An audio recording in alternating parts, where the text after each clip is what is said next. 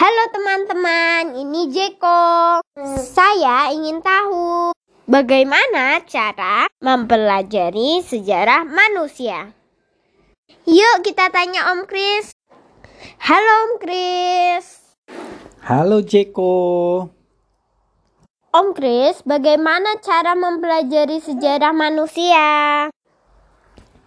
Ya, jadi untuk mempelajari manusia, sejarah manusia, kita harus tahu dulu pembabakan perkembangan sejarah manusia.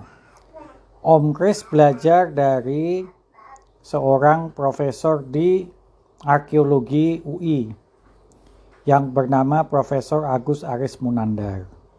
Beliau menyampaikan bahwa sejarah manusia itu dapat dibagi menjadi tiga babak besar, yaitu babak prasejarah, babak proto-sejarah, dan babak sejarah. Apa itu babak prasejarah? Yaitu pada babak di mana manusia belum mengenal tulisan. Jadi butuh sekali kemampuan ahli-ahli arkeolog untuk menginterpretasikan dari bukti-bukti sejarah itu. Yang kedua adalah proto-sejarah. Proto-sejarah adalah suatu masa di mana manusia sudah mengenal tulisan, tetapi ahli sejarah tidak bisa membuka kode-kode atau pesan-pesan yang ada dalam tulisan tersebut. Jadi disebut proto-sejarah. Jadi mungkin tulisannya itu bisa dipahami oleh masyarakat di waktu itu begitu, waktu tulisan itu masih dapat dipahami oleh masyarakat tersebut. Sedangkan pada masyarakat sejarah adalah manusia yang sudah mengenal budaya tulis menulis dan sampai sekarang bisa dipelajari tulisannya dan bisa dicari tahu apa makna dari tulisan. Tetapi bukan berarti dalam masa masyarakat sejarah itu mudah untuk dipahami, belum tentu.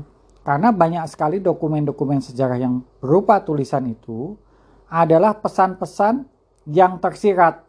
Nah, tersirat itu artinya membutuhkan kemampuan interpretasi yang dilihat interpretasi itu menerjemahkan ya disesuaikan dengan zamannya. Jadi kita jadi tahu apa maksud dari si penulis dokumen sejarah tersebut. Begitu Jeko yang bisa Om Chris bagikan kepada Jeko tentang bagaimana proses mempelajari sejarah manusia. Terima kasih Om Chris